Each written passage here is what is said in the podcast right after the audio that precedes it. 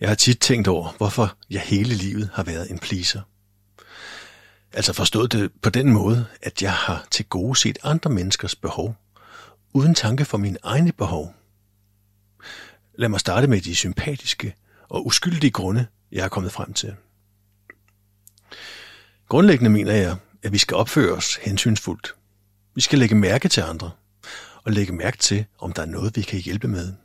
Det er en form for borgerpligt, som jeg ser det. Og det er en slags lim for samfundet. Vi bør holde døren for hinanden, give hinanden plads på fortorvet og i trafikken. Lad hinanden komme til ord. Lægge mærke til, hvis nogen ser ud til at have det dårligt eller svært. Og se, hvad man kan gøre for at hjælpe dem. Så langt, så godt. Der, hvor det begynder at blive problematisk, det er, når vi systematisk gør gode gerninger på bekostning af os selv. Og der har jeg det sorte bælte. Og det er udelukkende min egen skyld. Jeg kan godt forstå, at det er blevet en indgroet vane, for der er så mange fordele ved at plise andre. Hvem vil ikke gerne have hjælp? Hvem vil ikke gerne ses?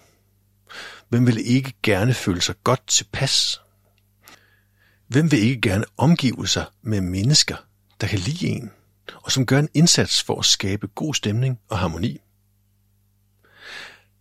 Der er sikkert undtagelser, men min erfaring siger, alle.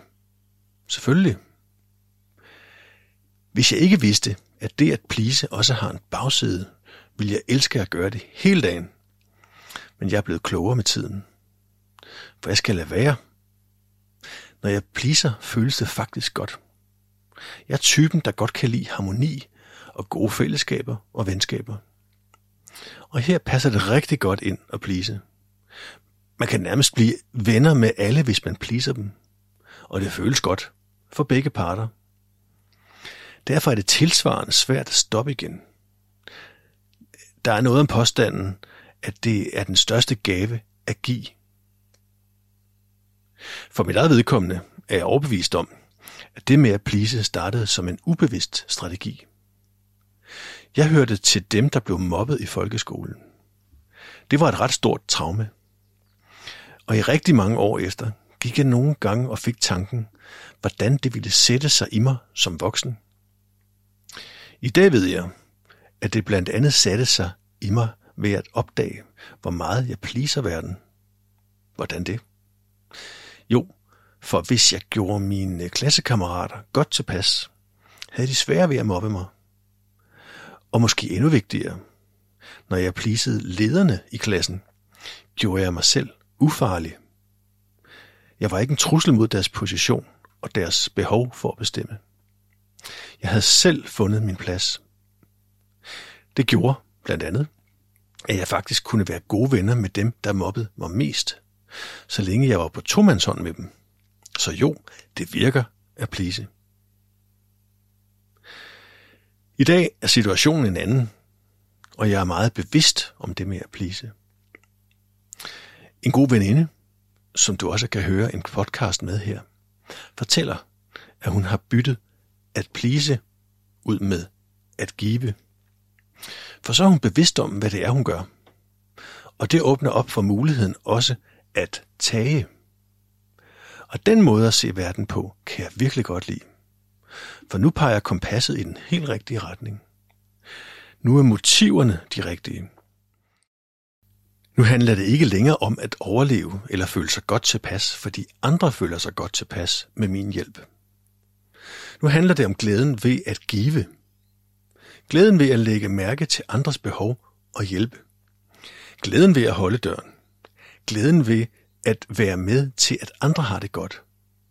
Men allermest glæden ved at vide, at jeg ikke prøver at sprede gode stemninger, fordi mine omgivelser så bedre kan lide mig. Men fordi jeg reelt har lyst til at skabe glæde og god stemning. Fordi det er det, jeg mener er vigtigt at gøre. Ikke fordi jeg køber mig til sympati og venskaber, men fordi jeg reelt gerne vil give. Som jeg ser det, er det stadig helt rigtigt at give. At ville være noget for andre. Så længe jeg har mine motiver på plads. Og jeg skal holde mig langt fra at slide mig selv op på bare at være noget for andre. For at opnå deres anerkendelse. Det er så godt for selvværdet. Og nu tager jeg mig selv alvorligt. Jeg anerkender mig selv. Jeg skal også øh, selv være glad og være tilpas og blive set og hørt. Og testen er meget nem. Hvis de mennesker, jeg omgiver mig med, ikke vil tage mig og mine behov alvorligt, så er det tid til at vende ryggen til og komme videre. For nu ved jeg, at jeg skal tage mig selv alvorligt. Og det føles så godt. Lige nu arbejder jeg så med den anden del af regnestykket. Nemlig at fortælle verden, hvad det så er, jeg vil, og hvad jeg forventer af andre. Jeg skal gøre plads til mig selv. På samme måde som jeg skal gøre plads til andre. Jeg skal kræve min ret og tage mine værdier alvorligt. Det er en virkelig spændende opgave. Lidt grænseoverskridende, men helt igennem nødvendig. Selvom det i situationen er uden for min komfortzone, ved jeg også, at det er det helt rigtige at gøre, når jeg lige har sovet på det.